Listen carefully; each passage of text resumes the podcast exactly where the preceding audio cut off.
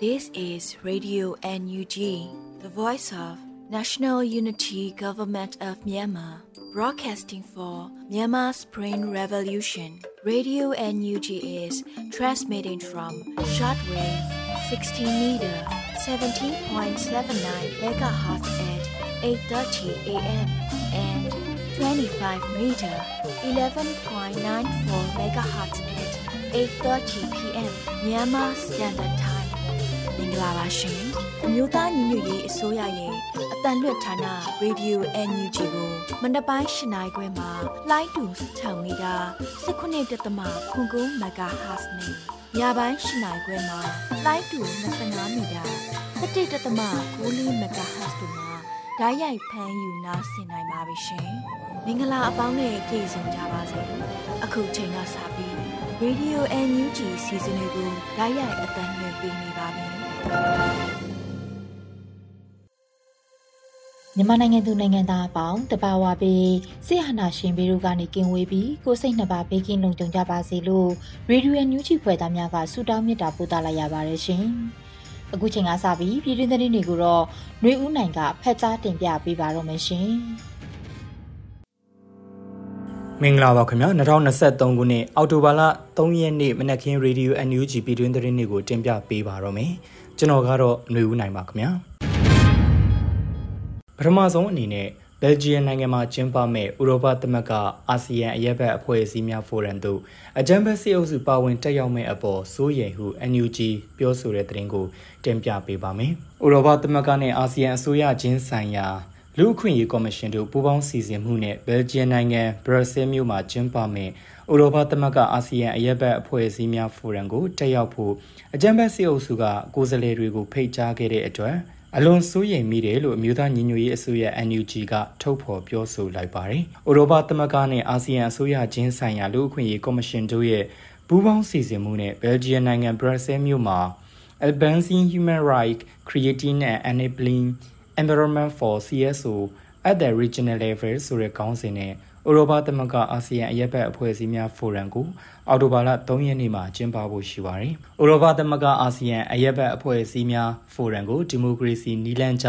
ရွေးချယ်တင်မြှောက်ခံထားရတဲ့မြန်မာကိုယ်စားလှယ်တွေပါဝင်တက်ရောက်ရမယ့်အစားအကြံဘက်စီအုပ်စုကတက်ရောက်ခွင့်ရနေတာကိုလည်းအံ့ဩတုန်လှုပ်မိတယ်လို့ဖော်ပြထားပါတယ်။ဒီဖိုရမ်ဟာအမျိုးသားညီညွတ်ရေးအစိုးရလူ့ခွင့်ရေးဆိုင်ရာဝန်ကြီးဌာန ပြည်ထောင်စုဝန်ကြီးဦးအောင်မျိုးမင်းဘယ်ဂျင်နိုင်ငံဘရပ်ဆဲမြို့မှာဥရောပသမဂ္ဂလူ့အခွင့်အရေးဆိုင်ရာအထူးကိုယ်စားလှယ်အပါအဝင်ဥရောပသမဂ္ဂကိုယ်စားလှယ်တွေနဲ့တွေ့ဆုံခဲ့တဲ့ခရီးစဉ်အပြီးရပ်ပိုင်းအတွင်းကျင်းပတဲ့ဖိုရမ်လည်းဖြစ်ပါတယ်။ဒီခရီးစဉ်အတွင်းမှာပြည်ထောင်စုဝန်ကြီးဦးအောင်မျိုးမင်းကပဲမြန်မာဒီမိုကရက်တစ်အဖွဲ့အစည်းများအမျိုးသားညီညွတ်ရေးအစိုးရပြည်ထောင်စုလွှတ်တော်ကိုစားပြုကော်မတီအမျိုးသားညီညွတ်ရေးအတိုင်းအမြံကောင်စီ ပြည်내နဲ့တိုင်းအဆင့်အဖွဲ့အစည်းကိုယ်စားလှယ်များလူမှုအတိုင်းအဝိုင်းများနဲ့အရက်ဘက်အဖွဲ့အစည်းများမှကိုယ်စားလှယ်တွေပါဝင်တဲ့လူ့အခွင့်အရေးဆိုင်ရာဆွေးနွေးပွဲတရက်ကျင်းပဖို့အဆိုပြုခဲ့တယ်လို့သိရပါတယ်။ဒါကြောင့်ဥရောပသမဂ္ဂနဲ့အာဆီယံအစိုးရချင်းဆိုင်ရာလူ့အခွင့်အရေးကော်မရှင်တို့အနေနဲ့စစ်မှန်တဲ့လူ့အခွင့်အရေးဆိုင်ရာဆွေးနွေးပွဲတရက်ကျင်းပရမှာ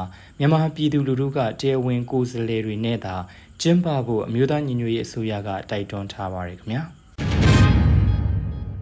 ဆက်လက်ပြီးပြည်ထရေးနဲ့လူဝင်မှုကြီးကြပ်ရေးဝန်ကြီးဌာနနဲ့ပဲခူးတိုင်းအေရဝတီတိုင်းရန်ကုန်တိုင်းတနင်္သာရီတိုင်းမှာရှိတဲ့မြို့နယ်ပြည်သူ့အုပ်ချုပ်ရေးအဖွဲ့များတွဲဆုံဆွေးနွေးပွဲပြုလုပ်တဲ့တဲ့တင်ကိုဆက်လက်တင်ပြပေးပါမယ်။အမျိုးသားညီညွတ်ရေးအစိုးရပြည်ထရေးနဲ့လူဝင်မှုကြီးကြပ်ရေးဝန်ကြီးဌာနနဲ့ပဲခူးတိုင်းအေရဝတီတိုင်းရန်ကုန်တိုင်းတနင်္သာရီတိုင်းရှိမြို့နယ်ပြည်သူ့အုပ်ချုပ်ရေးအဖွဲ့များတွဲဆုံဆွေးနွေးမှုအစည်းအဝေး16မြင်းဆောင်2023ကိုအောက်တိုဘာလ2ရက်နေ့မနက်10:00နာရီက ကျင်းပပြုလုပ်ခဲ့ပါတယ်။အစည်းအဝေးမှာပြည်ထရေးနဲ့လူဝင်မှုကြီးကြပ်ရေးဝန်ကြီးဌာနဒုတိယဝန်ကြီးခူးထေဘုကအဖွင့်အမှားစကားပြောကြားခဲ့ပြီးတော့ပြည်ထရေးနဲ့လူဝင်မှုကြီးကြပ်ရေးဝန်ကြီးဌာနပြည်သူ့အုပ်ချုပ်ရေးဦးစီးဌာနညွှန်ကြားမှုချုပ်မှဝန်ကြီးဌာနမှဖွဲ့စည်းဆောင်ရွက်နေတဲ့ဗဟိုတိုင်ကြားစာစီစီရေးကော်မတီလုပ်ငန်းလမ်းညွှန်ကိုရှင်းလင်းပြောကြားခဲ့ပါတယ်။ဆက်လက်ပြီးပြီးခဲ့တဲ့အစည်းအဝေး18မြင်းဆောင်2023မှရှေ့လုပ်ငန်းစဉ်များနဲ့ပတ်သက်ပြီး ပြီးစီးမှုအခြေအနေများနဲ့ဆက်လက်ဆောင်ရွက်ရန်ကြံရှိနေသေးတဲ့လုပ်ငန်းစဉ်များကိုချပြခဲ့ပြီးတော့မြို့နယ်ပြည်သူ့အုပ်ချုပ်ရေးအဖွဲ့ဝင်များမှမူဝါဒလမ်းညွှန်ချက်များမြေပြင်အုပ်ချုပ်ရေးဆောင်ရွက်နေမှုများကြုံတွေ့နေရတဲ့အခက်အခဲများကိုမေးမြန်းဆွေးနွေးခဲ့ရာဝန်ကြီးဌာနတာဝန်ရှိသူများကပြန်လည်ဖြေကြားခဲ့ပါတယ်။အစည်းအဝေးကိုဒုတိယဝန်ကြီးခူးထေဘူးက ဦးဆောင်ခဲ့ပြီးတော့တွဲဘက်အမြဲတမ်းအတွင်းဝန်ပြည်သူ့အုပ်ချုပ်ရေးဦးစီးဌာနပြည်သူ့ရဲတပ်ဖွဲ့မိသက်ဦးစီးဌာနလူဝင်မှုကြီးကြပ်ရေးဦးစီးဌာနအထူးစုံစမ်းထောက်လှမ်းရေးဦးစီးဌာနတို့မှတာဝန်ရှိသူများပဲခူးတိုင်းအေရဝတီတိုင်းရန်ကုန်တိုင်းတနင်္သာရီတိုင်းရှိမြို့နယ်ပြည်သူ့အုပ်ချုပ်ရေးအဖွဲ့ဝင်များတက်ရောက်ခဲ့ပြီးတော့7:00မိနစ်50အချိန်မှာအစည်းအဝေးကိုအောင်မြင်စွာရပ်နာခဲ့ပါတယ်ခင်ဗျာ ငင်းချမ်းစွာပညာသင်ကြားနေကြတဲ့ဆရာဆရာမတွေနဲ့ကျောင်းသားကျောင်းသူတွေကိုအကြမ်းဖက်စစ်တပ်ကပြစ်မှတ်ထားတိုက်ခိုက်နေတာနဲ့ပတ်သက်ပြီးအမျိုးသားညီညွတ်ရေးအစိုးရပညာရေးဝန်ကြီးဌာနကပြင်းပြင်းထန်ထန်ကန့်ကွက်ရှုတ်ချတဲ့သတင်းကိုတင်ပြပေးပါမယ်။ဝန်သူမျိုးနယ်ဂျိုးတောင်ရွာမရွာဗုဒ္ဓဆုရက်ကိုစက်တင်ဘာလ29ရက်နေ့ကအကြမ်းဖက်စစ်တပ်ကလက်နက်ကြီးတွေနဲ့အကြောင်းမဲ့ပစ်ခတ်ခဲ့တာကြောင့်ပြည်သူအခြေပြုပညာရေးစာသင်ကျောင်းဝင်းထဲ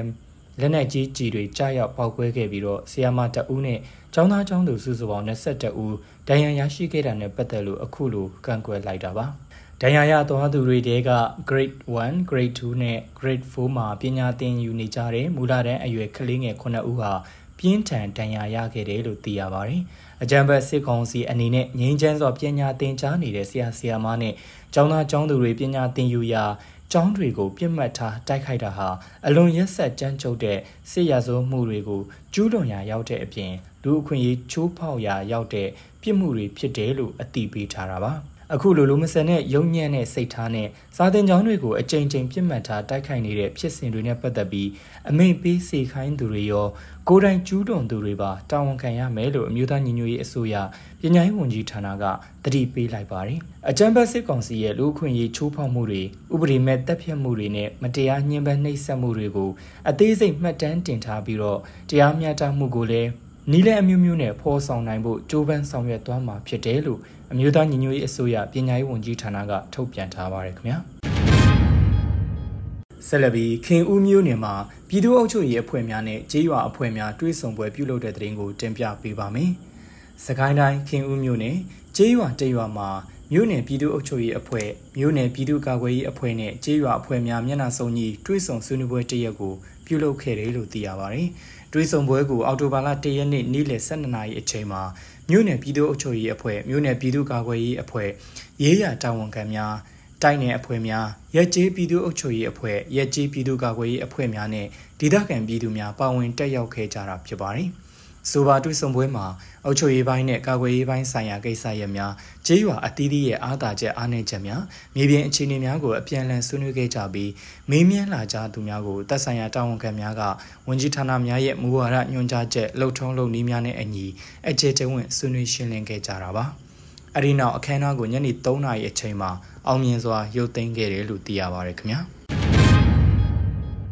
ပလဲမြို့နယ်ကစစ်ဘေးရှောင်အိမ်အောင်စု130ကိုမြို့နယ်အုပ်ချုပ်ရေးအဖွဲ့ကကျပ်18သိန်းနီးပါးထောက်ပံ့ခဲ့တဲ့တဲ့တင်ကိုဆက်လက်တင်ပြပေးပါမယ်။ပလဲမြို့နယ်ဇီးပြူကုန်းတောင်ရွာကစစ်ဘေးရှောင်အိမ်အောင်စု130ကိုကျပ်18သိန်းနီးပါးထောက်ပံ့ခဲ့တယ်လို့မြို့နယ်ပြည်သူ့အုပ်ချုပ်ရေးအဖွဲ့ကထုတ်ပြန်ထားတာပါ။အဝေးရိပ် SF Bay Area Rafael Event ကလူဒန်းနဲ့ American Dollar 900မြန်မာငွေကျပ်16သိန်း9500ကိုအလှရှင်တွေကိုစားပလဲမျိုးနယ်ပြည်သူ့အုပ်ချုပ်ရေးအဖွဲ့ကအော်တိုဘာလ၁ရက်နေ့မှာလူဒန်းပေးခဲ့တာပါအကြမ်းဖက်စစ်ကောင်စီဟာဇီးပြူကုန်းတောင်ရွာကိုပြူစောတိရွာဖြစ်အောင်ဇက်သွင်းခဲ့တာကိုလက်မခံနိုင်တာကြောင့်ဂျေးရွာဒေသခံအိမ်အောင်စု130လူကြီး900ခန့်ဟာဂျေးရွာနဲ့လယ်မြေယာမြေတွေကိုစွန့်ခွာလာခဲ့တာလို့သိရပါတယ်။ အဲ့ဒီအိမ်အောင်စုတွေဟာမိသားစုဝမ်းရည်အတွက်ကြုံရအလုပ်လုပ်ရင်းရုန်းကန်နေရသူတွေဖြစ်ပါတယ်။ပလဲမျိုးနယ်မှာနှစ်နဲ့ချီပြီးကာလရှည်တိန်းရှောင်နေရတဲ့ရွာတွေကတော့ဇီးပြူကုန်းတောင်ရွာအင်မတီရွာချောင်းဦးရွာတောင်ခင်ရန်ရွာနဲ့ကန့်သက်ကျေးရွာတို့ပဲဖြစ်ပါတယ်ခင်ဗျာ။တပင်းမြို့ပေါ်ကိုပြန်ဝင်လာတဲ့စစ်တပ်စစ်ကြောင်းကနှစ်ဘဲလရွာသားတအူးကိုတပ်ဖြတ်ခဲ့တဲ့တဲ့ရင်ကိုတင်ပြပေးပါမယ်။ တပည့်ရင်းနဲ့အနောက်ချမ်းကိုစစ်ကြောင်းထိုးပြီးပြန်လာတဲ့အကြမ်းဖက်စစ်တပ်စစ်ကြောင်းဟာအော်တိုဘာလ2ရက်နေ့မနက်ပိုင်းကနဘဲလာရွာသားတအူးကိုဖမ်းဆီးခဲ့ပြီးတော့ပကံကျေးရွာအနီးကငရုတ်ခင်းပေးမှတပ်ဖြတ်သွားခဲ့တယ်လို့တပည့်ရင်းမြို့နယ်ညီနောင်များအဖွဲ့ကပြောပါတယ်။အဲ့ဒီအကြမ်းဖက်စစ်တပ်စစ်ကြောင်းဟာစက်တင်ဘာလ30ရက်နေ့နေ့လယ်ကလည်းလက်တီးကျေးရွာကရွာသားတအူးကိုလည်းတပ်ဖြတ်ခဲ့ပါသေးတယ်။ပြန်ကြားရွာမှာ နှစ်ရက်ကျော်ကြာတက်ဆွဲခဲ့တဲ့စစ်တပ်စစ်ကြောင်းဟာအော်တိုဘာလ2ရက်နေ့မနက်ပိုင်းမှာတပိန်းမြို့ပေါ်ပြန်ဝင်လာတာကြောင့်မြို့အနီးတစ်ဝိုက်မှာရှိတဲ့ကြေးရွာရှစ်ရွာကဒေသခံတွေထပ်မံစစ်ဘေးရှောင်နေရတယ်လို့လည်းသိရပါတယ်။စစ်တပ်စစ်ကြောင်းမြို့ပေါ်ပြန်တက်သွားတာကြောင့်အရင်ရက်တွေကစစ်ဘေးရှောင်ခဲ့ရတဲ့ကြေးရွာတွေကဒေသခံပြည်သူအချို့ကတော့ကိုယ့်ရဲ့ကိုယ့်ရွာကိုပြန်လည်ဝင်ရောက်နေထိုင်ကြပြီပဲဖြစ်ပါတယ်။စက်တင်ဘာလ30ရက်နေ့ကလက်တီကျေးရွာမှာဖမ်းဆီးခံခဲ့ရတဲ့ဒေသခံရွာသား2ဦးရဲ့အခြေအနေကိုတော့ အခုချိန်ထိမသိရသေးပါဘူးခင်ဗျာ။စစ်ကောင်စီအဖွဲ့ဝင်ဝနမောင်လွင်ရဲ့တာလင်းမင်းမောင်လွင်အိမ်ဘုံပစ်တိုက်ခိုက်တဲ့တဲ့ရင်ကိုတင်ပြပေးပါမယ်။အကြံပေးစစ်ကောင်စီအဖွဲ့ဝင်ဝနမောင်လွင်ရဲ့တာဖြစ်သူလင်းမင်းမောင်လွင်နေအိမ်ကိုဘုံနဲ့တိုက်ခိုက်ခဲ့တယ်လို့ Urban Special Operation USO ကအော်တိုဘာလ2ရက်ဒီနေ့မှာထုတ်ပြန်လာတာပါ။အော်တိုဘာလ1ရက်နေ့ည9:00နာရီခွဲဝန်းကျင်အချိန်မှာကမာရွတ်မြို့နယ်မှာ အောင်မြေသားစီအိမ်ယာအတွင်းမှာရှိတဲ့လင်းမင်းမောင်လွင်နေအိမ်ကိုဘုံပစ်တိုက်ခိုက်ခဲ့တယ်လို့ဆိုပါတယ်။လင်းမင်းမောင်လွင်ဟာစစ်ကောင်စီရဲ့ကျန်းဖက်အုံစရိတ်များနိုင်ငံခြားစီးပွားရေးများကိုခရိုနီတွေနဲ့ပေါင်းပြီးအကျိုးအမြတ်ရှာဖွေနေတာကြောင့်တိုက်ခိုက်ခဲ့တာဖြစ်တယ်လို့လည်းအသိပေးထားပါတယ်။အခုလိုတိုက်ခိုက်နိုင်တာဟာပြည်သူ့ဘက်တော်သားဖရဲသီးတွေရဲ့အကူအညီချောင်းသာလှုပ်ဆောင်နိုင်ခဲ့တာလို့လည်းသိရပါတယ်။နောက်မှလည်းပြည်သူတွေအပေါ်မတရားပြုလုပ်ဖို့ကြံဆောင်နေတဲ့အကြမ်းဖက်စစ်ကောင်စီရဲ့စီးပွားရေးပိုင်ဆိုင်မှုတွေ ပတ်သက်ဆက်နွယ်သူတွေကိုလည်းစစ်ရေးပြစ်မှတ်အဖြစ်စစ်စင်ရေးတွေဆက်လက်ဆောင်ရွက်သွားမယ်လို့ Urban Special Operation USO ကထုတ်ပြန်ထားပါရခင်ဗျာ။ပြီးခဲ့တဲ့စက်တင်ဘာလအတွင်းအကြမ်းဖက်စစ်ကောင်စီကြောင့်အမျိုးသမီး12ဦးသေဆုံးခဲ့ပြီးတော့20ဦးဖမ်းဆီးခံခဲ့ရတဲ့တဲ့ရင်ကိုဆက်လက်တင်ပြပေးပါမယ်။2023ခုနှစ်စက်တင်ဘာလ1ရက်နေ့မှ28ရက်နေ့အထိစစ်ကြောရေးအတွင်းအပါအဝင်စစ်ကောင်စီကြောင့်မြန်မာနိုင်ငံအနှံ့ရှိအမျိုးသမီး12ဦးသေဆုံးက 20ဦးထိန်းသိမ်းခံခဲ့ရကြောင်းမြန်မာအမျိုးသမီးသမဂ္ဂ BWU ကအော်တိုဘာလ2ရက်နေ့ကသတင်းထုတ်ပြန်လိုက်တာပါ။စက်တင်ဘာလတလအတွင်းမှာသေဆုံးသွားခဲ့ရတဲ့အမျိုးသမီးများမှာလက်နက်ကြီးကြီးကြောင့်9ဦးတနက်ဖြစ်ပြစ်ခတ်ခံရမှုကြောင့်4ဦးအကြမ်းဖက်မှုကြောင့်2ဦးနဲ့စစ်ကြောရေးမှာ တအူစုစုပေါင်း12ဦးသေဆုံးခဲ့ရခြင်းဖြစ်တယ်လို့ဖော်ပြထားပါတယ်။သေဆုံးသူများမှာမန္တလေးတိုင်းစင်ကူးမြို့နယ်မှ2ဦး၊မိုးကုတ်မြို့နယ်မှ2ဦး၊တနင်္သာရီတိုင်းပလောမြို့နယ်မှ2ဦး၊ကချင်ပြည်နယ်မိုးကောင်းမြို့နယ်၊ပဲခူးတိုင်းကြောက်တကားမြို့နယ်၊စကိုင်းတိုင်းကလေးမြို့နယ်နဲ့စလင်းကြီးမြို့နယ်မကွေးတိုင်းမြိုင်မြို့နယ်နဲ့ကံကောမြို့နယ်ကရင်ပြည်နယ်ဖာပုံမြို့နယ်တို့မှတအူးစီဖြစ်တယ်လို့ BWU မှထုတ်ပြန်တဲ့ဇာတ်မှာ ပါရှိပါတယ်။ဒါအပြင်စက်တင်ဘာလအတွင်းရန်ကုန်တိုင်းပဲခူးတိုင်းမန္တလေးတိုင်းစကိုင်းတိုင်းမကွေးတိုင်းနဲ့မွန်ပြည်နယ်မှအမျိုးသမီး20ဦးဖမ်းဆီးခံရကရန်ကုန်တိုင်းမြို့နယ်10ခုမှအမျိုးသမီး9ဦးပါဝင်ကြောင်းကိုလည်းဖော်ပြထားပါတယ်။စစ်တပ်အာဏာသိမ်းခဲ့တဲ့2021ခုနှစ်ဖေဖော်ဝါရီလမှ2023ခုနှစ်စက်တင်ဘာလအထိသေဆုံးသူအမျိုးသမီး614ဦးရှိကဖမ်းဆီးထိန်းသိမ်းခံထားရတဲ့အမျိုးသမီး 3185ဦးရှိပြီးတော့ပြည်တံချမှတ်ခံရတဲ့အမျိုးသမီး938ဦးရှိကြောင်းကိုလည်း BWU ရဲ့ထုတ်ပြန်ချက်အရသိရပါတယ်။၎င်းအရေးအတွက်ဟာနိုင်ငံရေးအကျဉ်းသားများကုညီဆောင်ရှောက်ရေးအသင်း AAPP နဲ့မြန်မာအမျိုးသမီးသမဂ္ဂ BWU မှစုစည်းရရှိထားတဲ့အချက်လက်များသာဖြစ်ပြီးတော့မြေပြင်မှာအရေးအတွက်ပိုများနိုင်တယ်လို့သိရပါတယ်ခင်ဗျာ။အခုတင်ပြခဲ့တဲ့သတင်းတွေကို Radio NUG သတင်းတောက်ကိုခန့်နဲ့မင်းစစ်သွေးတို့ကပေးပို့ထားတာဖြစ်ပါတယ်ခင်ဗျာ။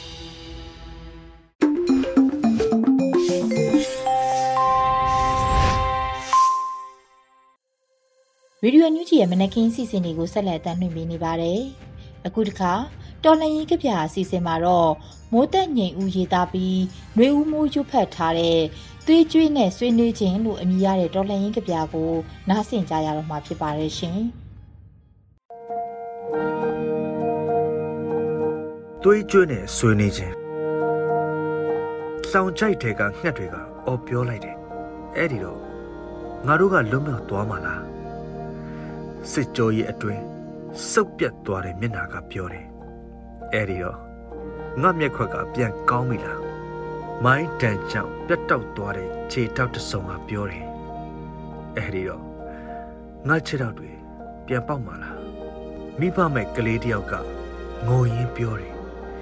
အဲ့ဒီတော့အသက်ခံရတဲ့တားမိဘတွေပြန်ရှင်မှာလားမဟုတ်ဆိုးမတယောက်ကအော်ပြောတယ်အဲ့ဒီတော့ ငါလင်ပြန်လာမှလား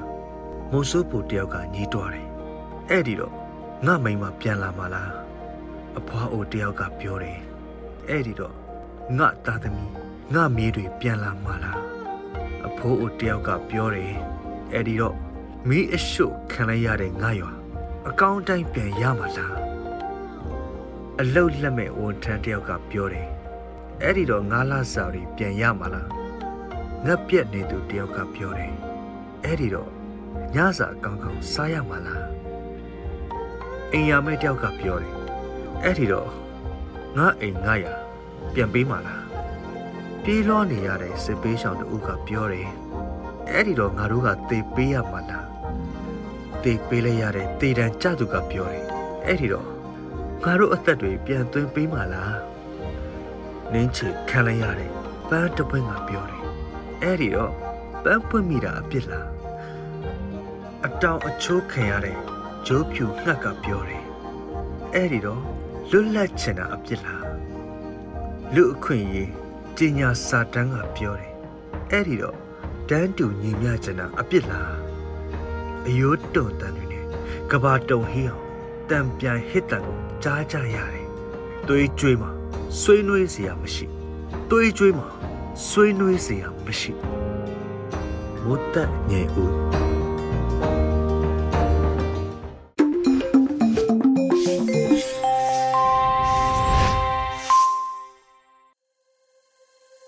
ရေဒီယိုညူးကြီးမှာဆက်လက်တမ်းလွှင့်ပေးနေပါတယ်။အခုဆက်လက်ပြီးတော်လှန်အစည်းဆောင်မအနေနဲ့ကဘာတိုင်ဆုံးမောင်စင်မုံရဲ့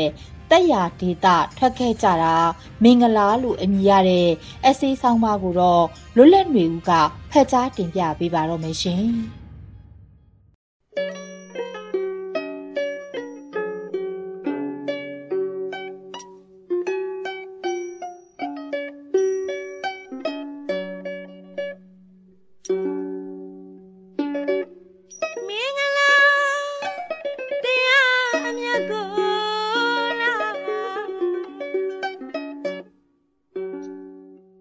တရာဒေတာထွက်ခဲ့ကြတာမင်္ဂလာ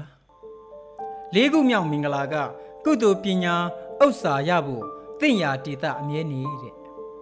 ဖះကတော့ဂယုနာနဲ့ဟောရှာတာပေါ့ရောင်တောင်တောင်ကြောင်တောင်တောင်နဲ့တတ်သေးရောက်သွားတော့လစ်ရော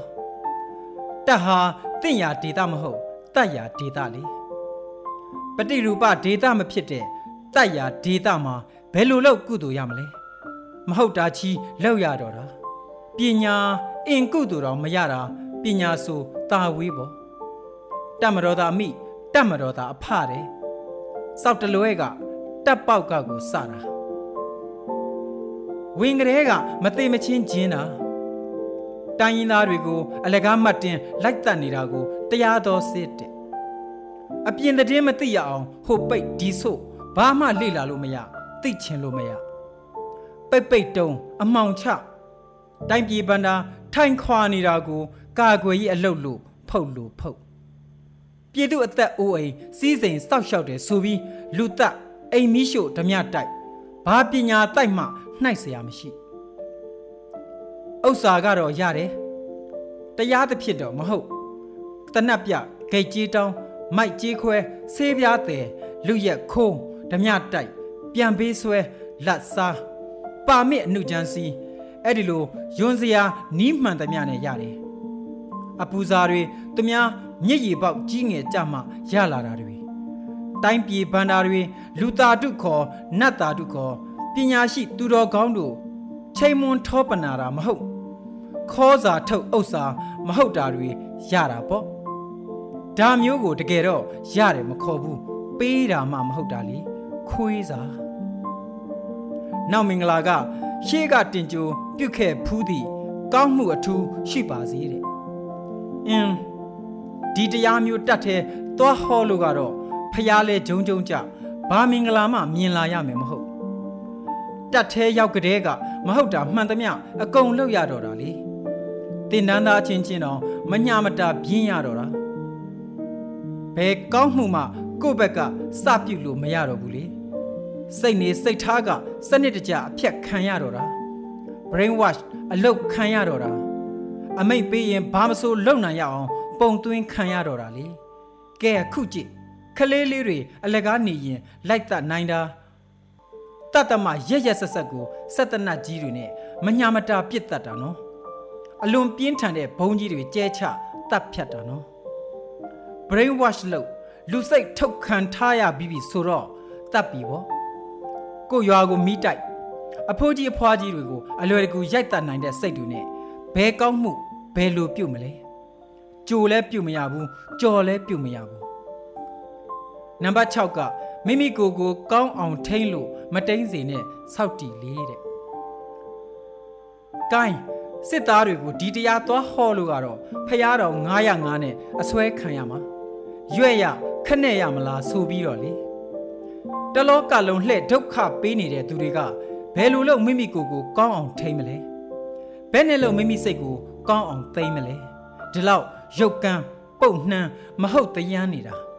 ။ဒီမင်္ဂလာ၃ချက်ကဥစ္စာကိုပေးနေထိုင်ရေးမင်္ဂလာတဲ့မျှော်တွေးကြည့်ပါတဲ့တင့်ရာဒေတာအမြဲနေပါတဲ့ဒါမှကုသိုလ်နဲ့ပညာရမယ်တဲ့ အဲ့ဒီကုသိုလ်အပြုအမူနဲ့ဉာဏ်ပညာနဲ့ချစ်ချင်းတရားကပေါ်လာတဲ့ဥစ္စာကသာဥစ္စာစစ်ဥစ္စာမှန်တဲ့အဲ့ဒီလိုသူတစ်ပါးဖြက်စီးလို့မရမဲ့တန်ရှင်းစင်ကြဲတဲ့ဥစ္စာရဖို့ဆိုတင့်ရာကောင်းရာဒေတာကိုသာနေရမယ်အဲ့ဒါကြောင့်တိုက်ရာဒေတာကို ထွက်ခဲ့ဖို့လိုတယ်မဟုတ်ရင်ဘိုလ်ချုပ်ကြီးတွေရဲ့တက်ကွင်းတွေကရလာတဲ့ခေါ်စာထုတ်ဥစ္စာ ပြုတ်မှာကြောက် လူလျှောက်သက်ခိုင်းခံရတဲ့ဘကွက်သားဘဝဆိုးကလွတ်မှာကဘာတိုင်ဆုံးမောင်စစ်မော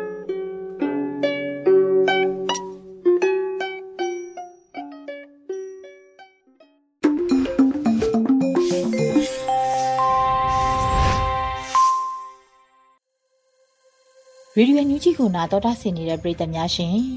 အခုဆက်လက်ပြီးနားဆင်ကြရမှာကတော့ PPTV ရဲ့နေ့စဉ်သတင်းများဖြစ်ပါတယ်နေကြီးကဖတ်ကြားတင်ပြပေးပါမယ်ရှင်ခုချိန်အားစပြီး PPTV သတင်းတွေကိုတင်ဆက်ပေးတော့မှာပါ ကျမနေကြီးပါရှင် ထမဆုံးတင်ဆက်ပေးမယ့်သတင်းကတော့နထိုးကြီးမြို့နယ်ကအကြက်ဖက်ရဲစခန်းနဲ့အထိုင်ချနေရာတွေကို PDF တွေတိုက်ခိုက်မှု9ဦးထပ်မံတေဆုံးတဲ့သတင်းပါမန္တလေးတိုင်းမြင်းချိုင်ခရိုင်နထိုးကြီးမြို့နယ်ကအကြမ်းဖက်ရဲစခန်းနဲ့အထိုင်ချရာနေရာတွေကို PDF တွေတိုက်ခိုက်မှု9ဦးထပ်မံတေဆုံးခဲ့တယ်လို့နထိုးကြီး Regional Defense Force ကထုတ်ပြန်ထားပါတယ်။ ပြီးခဲ့တဲ့စက်တင်ဘာ29ရက်နေ့ည9:00နာရီဝန်းကျင်ကအကြမ်းဖက်တပ်သားတွေတပ်ဆွဲထားတဲ့စောက်လုံရီရုံအတွင်းကိုဒရုန်းနဲ့ဘုံဒီတစ်လုံးကျဲချတိုက်ခိုက်ခဲ့တယ်လို့နထိုးကြီးမြို့မရဲစခန်းကိုလည်းဘုံဒီနှလုံးကျဲတိုက်ခိုက်ခဲ့ရာနထိုးကြီးမြို့မရဲစခန်းကအကြမ်းဖက်ရဲ3သေဆုံးပြီးတော့ထိခိုက်ဒဏ်ရာရရှိခဲ့တယ်လို့ဆိုပါတယ်။ အဲ့ဒီတိုက်ခိုက်မှုအတွင်းအကြမ်းဖက်ရဲစခန်းအတွင်းကဝန်တန်းမိသားစုဟာမိထီလာဘက်ကိုထွက်ပြေးတိမ်းရှောင်သွားကြတယ်လို့ဆိုပါတယ်။ဒါအပြင်စက်တင်ဘာ3ရက်မနက်10:00နာရီဝန်းကျင်ကလည်းအဲ့ဒီအကြမ်းဖက်ရဲစခန်းကို drone နဲ့ထပ်မံဘုံကျဲတိုက်ခိုက်ခဲ့ရာအကြမ်းဖက်ရဲ2ဦးထပ်မံတေဆုံးခဲ့တာပါ။ ဒီတိုက်ခိုက်မှုကိုနထိုးချင်း People Defense Force မြင်းချံခရိုင်အမှတ်၄နဲ့အတူနထိုးချင်း Regional Defense Force မြင်းချံခရိုင်အမှတ်၈တရင်တို့ကပူးပေါင်းလှုပ်ဆောင်ခဲ့တာပါ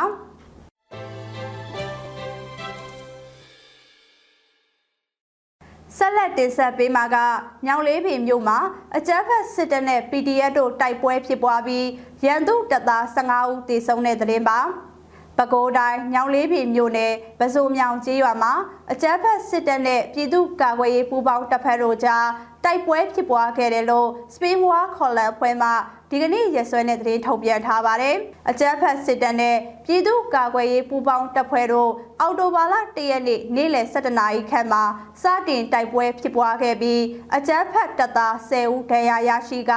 15ဦးသေဆုံးခဲ့တယ်လို့တိုက်ပွဲသတင်းမှာဖော်ပြထားပါတယ်။အဆိုပါနှစ်ဖက်ပစ်ခတ်တိုက်ခိုက်မှုမှာအကြမ်းဖက်တပ်ဖွဲ့ဝင်ရေးဘော်တအူလောင်းနဲ့ တနက်တလက်သိမ်းစီရမိခဲ့ပြီးအကြမ်းဖက်စစ်တပ်ပိုင်းပဖိုးတစီအားမိရှို့ဖျက်ဆီးခဲ့တယ်လို့ဆိုပါတယ်။အပြန်လန်ထိတွေ့တိုက်ခိုက်မှုတိုက်ပွဲဟာညနေ9နာရီမှာပုံမပြင်းထန်ခဲ့ပြီးအကြမ်းဖက်စစ်တပ်ဘက်မှပြစ်ခတ်မှုကြောင့်ပြည်သူ့ကာကွယ်ရေးပူးပေါင်းတပ်ဖွဲ့ဝင်ရဲဘော်၄ဦးထိခိုက်ဒဏ်ရာရရှိခဲ့ပြီးမစိုးရိမ်ရဘူးလို့ပြောပါတယ်။ဒီတိုက်ခိုက်မှုကို တောင်ပိုင်းတိုင်းစစ်ဒေသလက်အောက်ရှိ Spinwa Colon ရိုးမပြူဟာစစ်ကြောင်းနဲ့ပြည်သူ့ကာကွယ်ရေးတပ်ဖွဲ့3ခွန်3ညနှစ်တို့မှပူးပေါင်းတိုက်ခိုက်ခဲ့တဲ့လို့ထုတ်ပြန်ချက်မှာဖော်ပြထားပါတယ်။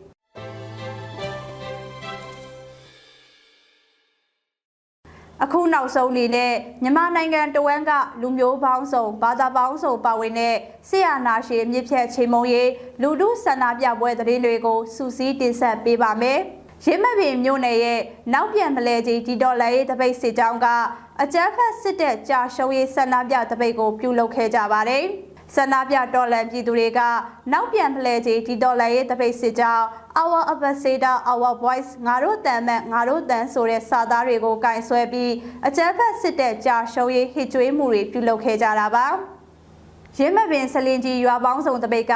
923ရက်မြောက်အဖြစ်ရင်းမပင်မြောက်ချမ်းကျေးရွာများတပိတ်နဲ့ပူပေါင်းကအကြမ်းဖက်စစ်တပ်ကြာရှုံးရေးဆန္ဒပြတပိတ်ကိုဒီကနေ့မှပြုလုပ်ခဲ့ကြပါတယ်။ဆန္ဒပြတော်လန်ပြည်သူတွေက Our Ambassador Our Voice ဆိုတဲ့စာသားတွေကိုကင်ဆွဲပြီးဦးကျော်မိုးထွန်းကိုထောက်ခံကြောင်းချီတက်ဆန္ဒထုတ်ဖော်ပြသခဲ့ကြပါတယ်။ ရစ်မပင်ရှေချမ်းမှာတော်လန်ပြည်သူတွေရဲ့ကက်တီရှိမရှာဒိုကျေးရွာတပိတ်ကအကြမ်းဖက်စစ်တပ်ကြာရှုံးရေးဖြစ်ညနေစည်းစာတပိတ်ကိုပြုလုပ်ခဲ့ကြပါတယ်ဆန္ဒပြတော်လန်ပြည်သူတွေက Our Ambassador Our Voice ဆိုတဲ့စာသားတွေကိုကင်ဆွဲပြီးအကြမ်းဖက်စစ်တပ်ကြာရှုံးရေးဟစ်ကြွေးမှုတွေနဲ့ပြုလုပ်ခဲ့ကြတာပါ။ ရန်ကုန်မှာအကြမ်းဖက်စစ်တပ်ကလုံခြုံရေးတင်းကျပ်ထားတဲ့ကြားကပဲတော်လန်လူငယ်တွေကစစ်အာဏာရှင်စန့်ကျင်ရေးဆန္ဒပြလှုပ်ရှားမှုကိုဒီကနေ့မှပြုလုပ်ခဲ့ကြပါတယ်။တော်လန်လူငယ်တွေကအထွေထွေကြက်တဲဖြည့်ရှင်းရေးမှသည်စစ်အာဏာရှင်စနစ်စန့်ကျင်ရေးစီတို့အတူရောင်ရွေးကောက်ပွဲသို့အလုံးမရှိစားရှိတဲ့စတီကာတွေကိုကပ်ပြီးတော့ဆီယနာရှင်စန့်ကျင်ရေးလှုပ်ရှားမှုတွေပြုလုပ်ခဲ့ကြတာပါ။ ဒေသခံတော်လန်ပြည်သူတွေကနယ်မြေမငြိမ်သက်မှုတွေချားတဲ့ကပဲအကြမ်းဖက်စစ်တပ်ကြာရှုံးရေးဆန္ဒပြတပိတ်ကိုလေးစင်ပြုလုပ်နေကြတာပါကျေးဇူးတင်ပါတယ်ရှင်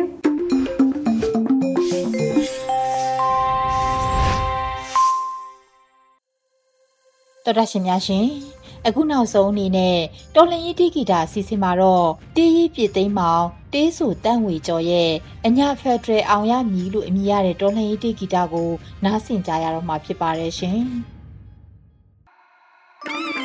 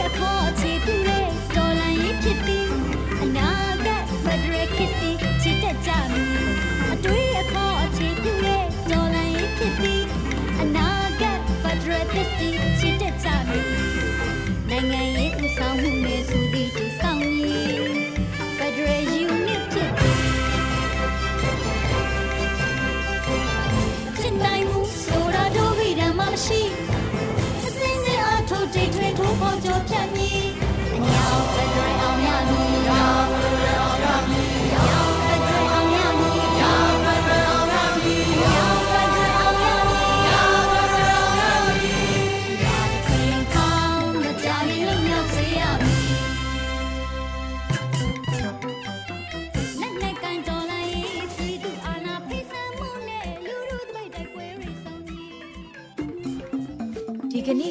ဒီညနေပဲ Radio NUG ရဲ့အစီအစဉ်လေးကိုခေတ္တရ延လိုက်ပါမယ်ရှင်မြန်မာစံတော်ချိန်မနေ့၈နိုင်ခွဲနဲ့ည၈နိုင်ခွဲအချိန်တွေမှာပြောင်းလဲဆိုပြကြပါလို့ရှင် Radio NUG ကိုမနေ့ပိုင်း၈နိုင်ခွဲမှာလိုင်းတူ16မီတာ19.7ခုခုမဂါဟတ်နဲ့ညပိုင်း၈နိုင်ခွဲမှာလိုင်းတူ25မီတာ17.6မဂါဟတ်တို့မှာဓာတ်ရိုက်ဖမ်းယူနာဆင်နိုင်ပါပြီရှင်။ မြန်မာနိုင်ငံသူနိုင်ငံသားများကိုစိတ်နှဖျားစမ်းမချမ်းသာလို့ဘေးကင်းလုံခြုံကြပါစေလို့ Radio NUG ရဲ့ဖွဲ့သူဖွဲ့သားများကဆုတောင်းလိုက်ရပါတယ်။ San Francisco Bay Area အခြေစိုက်မြန်မာမိသားစုများနဲ့နိုင်ငံတကာကစေတနာရှင်များလိုအားပေးမြရဲ့ Radio NUG ဖြစ်ပါတယ်ရှင်။အရေးတော်ပုံအောင်ရမည်။